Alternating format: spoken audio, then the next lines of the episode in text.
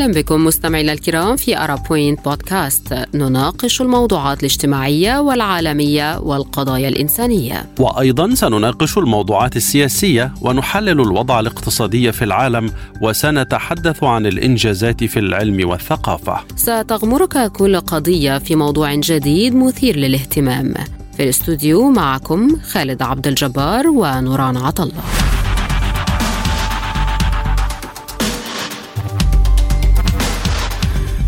والبداية مع عناوين Arab Point podcast هذا الأسبوع كيف تفاعل مغردون سعوديون مع زيارة أردوغان لبلادهم؟ رسوم تأشيرة دخول الكويتيين لمصر تثير غضبا ونقاشا عملة تذكارية للشيخ الشعراوي تثير جدلا في مصر لماذا؟ إلى التفاصيل. زيارة الرئيس التركي رجب طيب أردوغان إلى السعودية نجحت في طي صفحة خلافات استمرت ثلاث سنوات بين الرياض وأنقرة. هكذا تحدث أردوغان نفسه يا نوران عن زيارته إلى السعودية. مم. لكن رواد مواقع التواصل الاجتماعي كان لهم رأي آخر يا خالد. فقد انقسموا بين مؤيد رحبوا بالزيارة وبالسياسة التركية الجديدة تجاه الخليج ورافض شنوا هجوما حادا عليه. دعينا إلى عدم الثقة فيه معتبرين أن تغير موقف أردوغان بسبب تغير المصلحة التركية فقط في الوقت الراهن. نعم ومن الفريق الأخير كتب الناشط اليمني علي البخيتي يقول كم ردح أردوغان تركيا ضد السعودية وكم استثمر جريمة قتل خاشقجي والقضية الفلسطينية ورابعة في مصر وفي الأخير باع كل تلك القضايا. سيصل للمملكة وسيغطي على كل تراجعاته تجاهها بعمرة إلى مكة تحفظ كبرياءه أمام خرافه. سيقولون لم يبع القضية بل اعتمر. وكتب علي بن معدي معلقا على صورة لأردوغان بلباس العمرة. والله لو يتعلق بستار الكعبة ما أمن ولا استأمنه. في حين كتب الشيخ منذر آل الشيخ مبارك يقول تركيا تغلق مراكز الإخوان البحثية وترفض تجديد إقامات العشرات من كوادرهم الموجودة على أراضيها. وكتب عادل الحسن يقول في نفس الاتجاه استطاعت تركيا أن تفرض نفسها رقما صعبا في المنطقة وقوة مؤثرة عالميا لا يمكن تجاوزها. سنوات من العمل على الإصلاح الداخلي تنعكس اليوم على التأثير الخارجي. وكتب يوسف المزيني يقول بعد مبادرة أردوغان الاستباقية بزيارة السعودية ورجوعه لرشده سارع ببداية تنفيذ الشروط بمجرد عودته إلى تركيا بإغلاق قناة مكملين أحد أبواق تنظيم الإخوان التي تخصصت خلال ثمان سنوات عجاف بزرع الفتنة والتفرقة بتحريض الشعوب لنشر الفوضى والعقبة لبقية قنوات الشر ليطهر العالم من رجسها. استقبل العاهل السعودي الملك سلمان بن عبد العزيز مساء الخميس الرئيس التركي رجب طيب أردوغان في مدينة جدة وذلك في بداية زيارة رسمية بدأها الرئيس التركي للسعودية الخميس. وقد عقد الرئيس التركي لقاء مع العاهل السعودي عقب مراسم الاستقبال الرسمية التي أقيمت في قصر السلام الملكي. ويقوم الرئيس التركي بهذه الزيارة إلى المملكة العربية السعودية والتي تستغرق يومين. هي زيارته الأولى منذ عام 2017 وكان في استقباله أمير مدينة مكة خالد الفيصل. يرافق الرئيس التركي عدد من كبار المسؤولين بينهم وزراء الداخلية والدفاع والعدل والمالية. وكان الرئيس أردوغان قال قبيل مغادرته لاسطنبول إن هذه الزيارة إلى السعودية نابعة من إرادة مشتركة من الدولتين للبدء في حقبة جديدة من العمل المشترك مشيرا إلى أنها تهدف إلى العمل معا لرفع مستوى العلاقات السياسية والعسكرية والاقتصادية والثقافية بين بلاده والسعودية. ضجت مواقع التواصل الاجتماعي غضبا في الكويت بعد انتشار تغريدة لمواطن كويتي يتحدث فيها عن قيمة رسوم الدخول إلى جمهورية مصر العربية. وجاءت التغريدة خالد على حساب المحلل السياسي إبراهيم دشتي والذي قال رسوم دخول الكويت لمصر 25 دولارا. هل يعقل مقابل كل ما تقدمه الكويت إلى مصر؟ تستحدث الحكومة المصرية معاملة جديدة مع الكويتيين في دخولهم إلى مصر برسوم للفيزا؟ وتغريدة الدشت هذه التي قرأتها نوران أثرت موجة غضب واسعة في الكويت. مما دفع عددا من النواب في مجلس الأمة للمطالبة بتطبيق مبدأ المعاملة بالمثل. فالنائب في مجلس الأمة الكويتي حمد المطر أكد أنه سيتقدم بأسئلة برلمانية إلى وزير الخارجية عن أسباب الرسوم المصرية على الكويتيين. مضيفا سأتقدم باقتراح برغبة لفرض رسوم لكل من يريد الدخول للكويت. 25 دولار كمعاملة بالمثل. سواء كانت عمل أو سياحة أو تجارة أو زيارة وفي المقابل يا خالد رد الكثيرون على الهجمة التي طالت جمهورية مصر العربية ومن بينهم المحامي السعودي عبد الرحمن اللاحم والتي كتب يقول التأشيرة على كل العرب بما فيهم الخليجيين وهو مبلغ قليل المفروض يزيد والمفروض إنك وأمثالك ما تدخلون مصر لأنك وأمثالك لا تليقون بها وبأرضها وبشعبها النقي الطاهر. لفت نظري نوران هنا تغريدة للإعلامية الكويتية. فجر السعيد غردت عكس اتجاه الكويتيين عبر حسابها الرسمي في تويتر قائلة تحيا مصر وتستاهل ندفع 25 دولار في الدخول. تدفعون رسوم حق كل دول العالم ساكتين ولا كلمة. عند مصر تتفلسفون ليش؟ واي الإخوانجية ما يرتاحون ينبشون وراء أي شيء يسوي فتنة بيننا وبين أم الدنيا. نحبها وما نستغني عنها ومصر التي في خاطري وفي دمي. خالد آه، أيضا أميرة أبو شهبة كتبت العالم كله بيعاني من أزمة اقتصادية.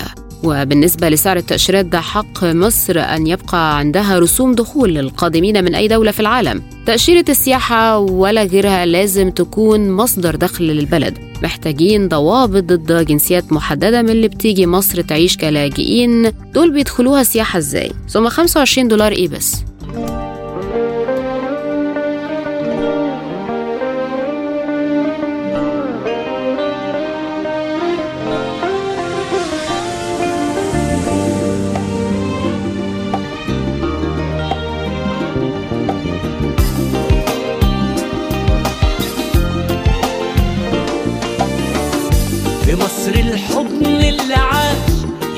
كسر بينا الحدود مسير الغايب يعود وتلمس ايده الحيطان مصر قريبة وأوان ايده جواها الغريب.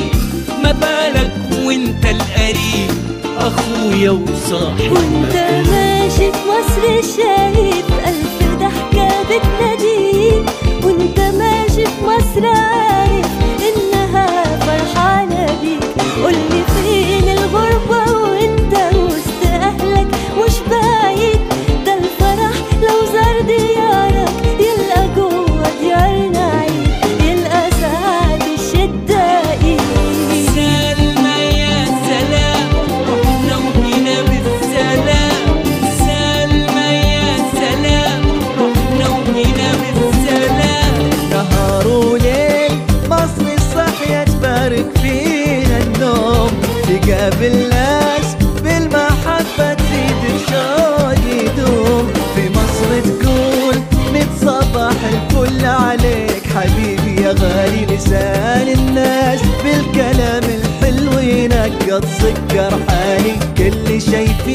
طيب فيها حاضر فيها طيب فيها يتلاقوا الأحبة وبين قلوب الناس تطيب. نهار وليل مصري صحية تبارك فيها النوم. وانت ماشي في مصر شايف ألف ضحكة بتناديك. وانت ماشي في مصر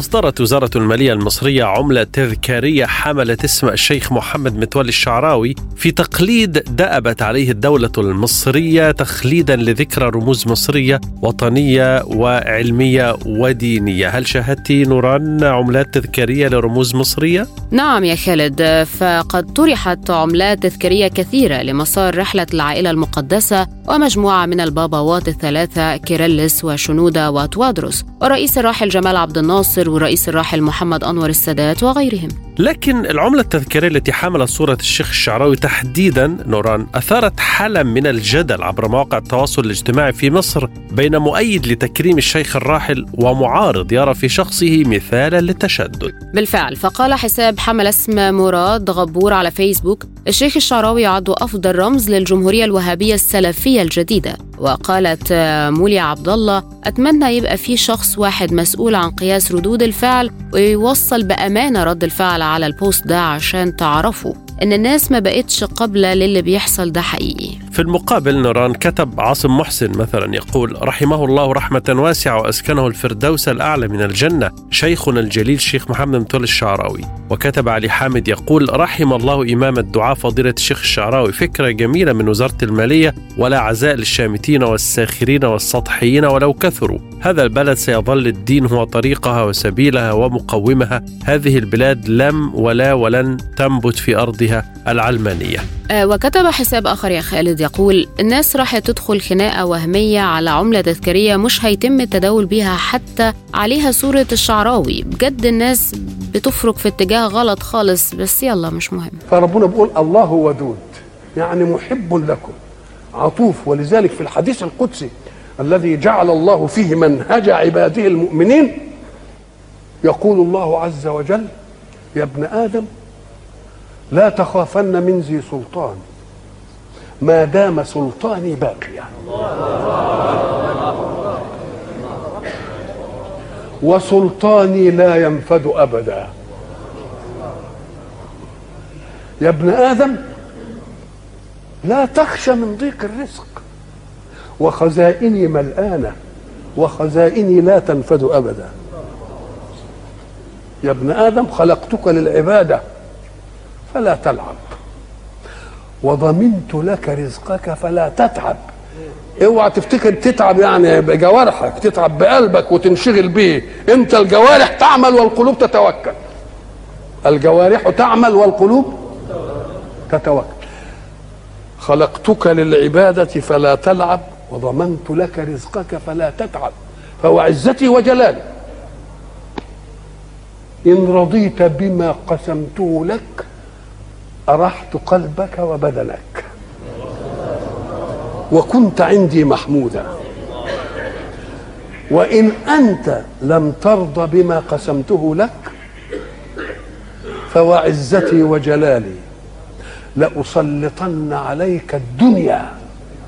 تركض فيها ركض الوحوش في البرية ثم لا يكون لك منها إلا ما قسمته لك.